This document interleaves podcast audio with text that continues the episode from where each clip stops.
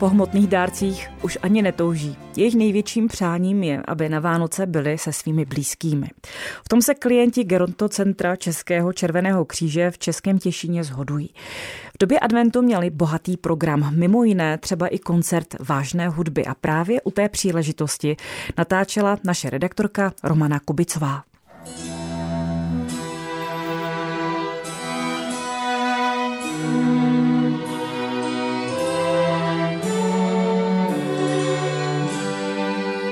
Jak se vám líbil koncert? Výborný, výborný. A chodívala jste kdysi na takové koncerty klasické hudby? Kdysi, jak jsem byla mladá, ale teď už, takže tu nás přivezli, tak... A co ráda posloucháte, když si můžete pustit rádio? Tak jaký typ hudby máte ráda? Já mám ráda všechny hudby. My jsme byli z domu naučení, tačka zpíval tak nás stáhnou všech k tomu. A vy mluvíte po našimu, jak slyším, takže i písničky jste zpívali po našimu, určitě. Já jsem z Horní Lomne pochodím. A pamatujete si, co se u vás zpívávalo? Víte, že už jsem dlouho tam stela pryč a už mi to tak ani nemyslí. A jak se jmenujete? Tomanova Marie. Děkuji, paní Maria. Já se zeptám tady vaší kolegyně. Dobrý den, jak vy se jmenujete? Lankočova, Natalia. To budete mít svátek teďka, tak všechno nejlepší, Natálko. Odkud vy pochodíte? Odkud jste? Z Těšina, ale pochodzę ze Stonavy, ale Aha. potem nás tam vybulali, tak mi se tu postavila dcerka, tak u ní tam měškala. Takže vy jste vlastně doma, tady v Těšině. No, no doma. No. A jak se těšíte na Vánoce? Ale já, jo. to mám ráda, ty svěnta. no a co si přejete? Jaký dárek si přejou dámy, když už jim je jo, dost let? Jo se dárky nikdy nepřejím žádné. Ne? Ještě mi dají to vezmem, ale ne, to jo, jo na to nemá na ty dárky. Ne? No ale nějaké vnoučky, pravnoučky musíte obdarovat, je to tak? A čem jich obdarujem, jak nemám teraz čím. Aha, tak, tak. Tak pěkným usmátím. Že prababička, pra, prababička. A kolik máte těch vnoučků a pravnoučků? Šest vnuků a jedno z pravnuků a čtyři prapravnučky. A kolik vám je let, můžu se zeptat? 97. Vážně? No. Ale vůbec nevypadáte. Jak to děláte? tak mě pombuček morot, tak mě čerže. No. no. A my se vždycky ptáme, co třeba jíte, jestli jste cvičila, pracovala, jak se dá dožít? Já, já pracovala s kopačkou, s grabiami a s vidvami. Aha, takže v tom to bude. Na čerstvém vzduchu. Já, jo. já nikdy nerobila. Jo, no. Neměli gospodárky, tak je gospodařila. A kolik jste měla dětí? Tři, pět žoušky a synka.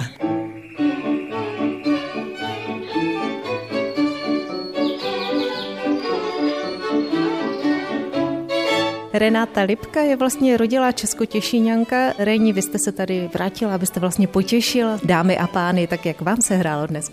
Mně se hrálo moc dobře, bylo to moc příjemné. A jsem si říkala, že babička je také v Českém Těšíně, ale kousek vedle.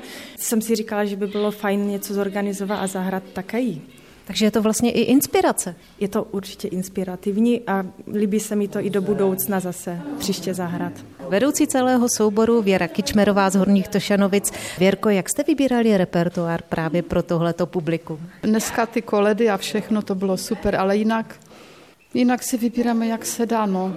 No, něco se mi líbí, něco tady přidá kolega, houslista, přinese, jako se to stalo v loni na adventním koncertě v Dobraticích, prostě ramo, takže když se něco líbí, aby to bylo jako posluchačsky pěkné, a zase ne, když někdo se děsí, ježi, klasika, já musím být strašně vážný, já musím být jako už naladěný, vůbec ne. Ti lidé se tak tenkrát těšili jako dneska my, takže já myslím, že doba. No.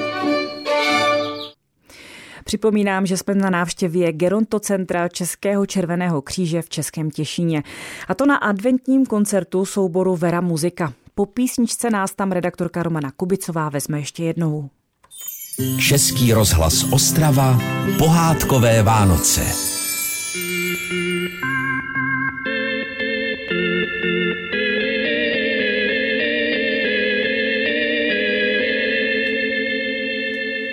Ještě jednou se na pár minut přeneseme společně s redaktorkou Romanou Kubicovou do Českého Těšína.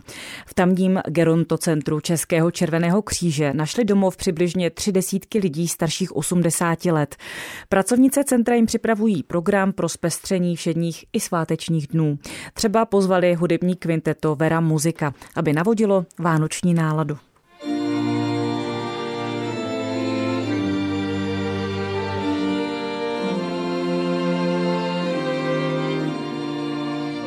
Já jsem Kateřina Kučáková, pracuji jako koordinátor přímé péče v Českém červeném kříži, tady v našem domově v Českém Těšíně. Ten se vlastně jmenuje Gerontologické centrum. Jakou klientelu tady máte? Preferujeme vlastně klienty nad 80 let, jo, ale i klienty, kteří se vlastně dostali do nějaké těžké životní situace, můžou být i mladší. Kolik v současné době máte uživatelů? V současné době máme 32 uživatelů. My jsme se tady odstli, předpokládám, že to je televizní a filmová místnost soudě podle výzdoby, je to tak? Ano, ano, nacházíme se v televizní místnosti, vlastně říkáme tomu kulturní místnost a odehrávají se tady různé aktivity pro klienty. Co třeba vymýšlíte, aby se jim to líbilo? Různé pečení vánočního cukroví, jo, abychom jim vlastně přiblížili tu vůni domova, různé vlastně kulturní akce, filmové večery, kavárny a podobné. Navrhuji taky uživatele, jako že by třeba měli chuť, já nevím, si zaspívat nebo naopak třeba něco vyrobit? Vyrábí velmi rádi a zpívají také. Mnoha uživatelů miluje hudbu, poslouchají celý den rádia na pokojích, jo, takže ty písničky jsou pro ně velkým zpříjemněním. Vy jste mladá žena, tak jak se vám pracuje právě už eh, s těmi, no řeknu ano, starými lidmi? Pracuje se mi s nimi skvěle. Myslím, že si všichni vyměňujeme takhle zkušenosti navzájem. Jo, vyžaduje to velkou dávku empatie, ale tu práci mám ráda. Já jsem se ptala tady dám, co si vlastně přejou k Vánocům a většinou už těch přání není moc, jenom aby jim někdo blízký přijel, aby jim zdraví sloužilo. Když vy tak pracujete s nimi, co si vlastně přejí v tomhle věku? Oni si přejí hlavně nebyt sami. Přejí si mít u sebe tu rodinu blízké.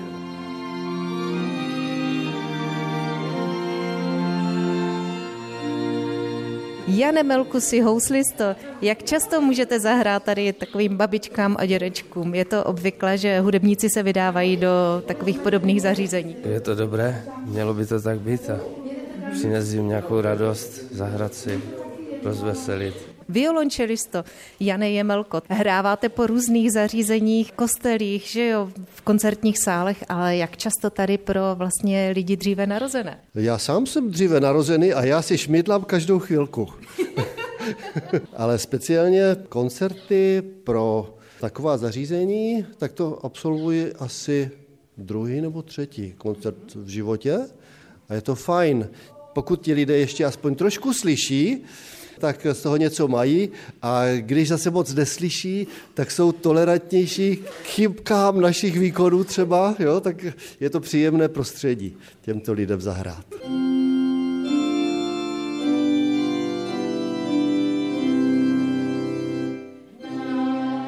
Dobrý den, jak vy se jmenujete? Romanová Libuše. Paní Libuše, můžu se vás i zeptat, kolik vám je roku? 85.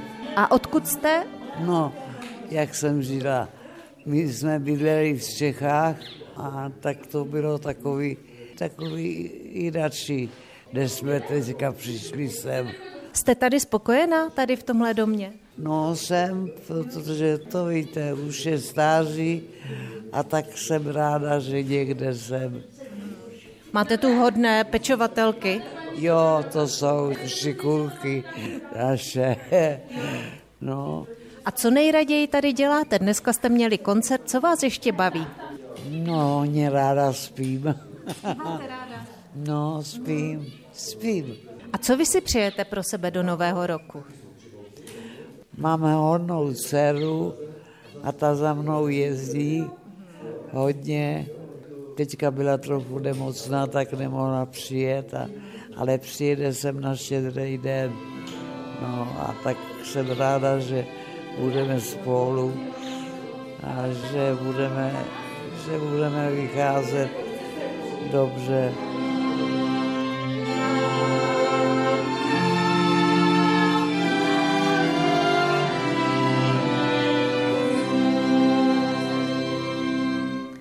Tak doufáme, že se uživatelům Geronto Centra Českého červeného kříže v Českém Těšíně jejich skromná přání splnila. Reportáž pro nás připravila redaktorka Romana Kubicová.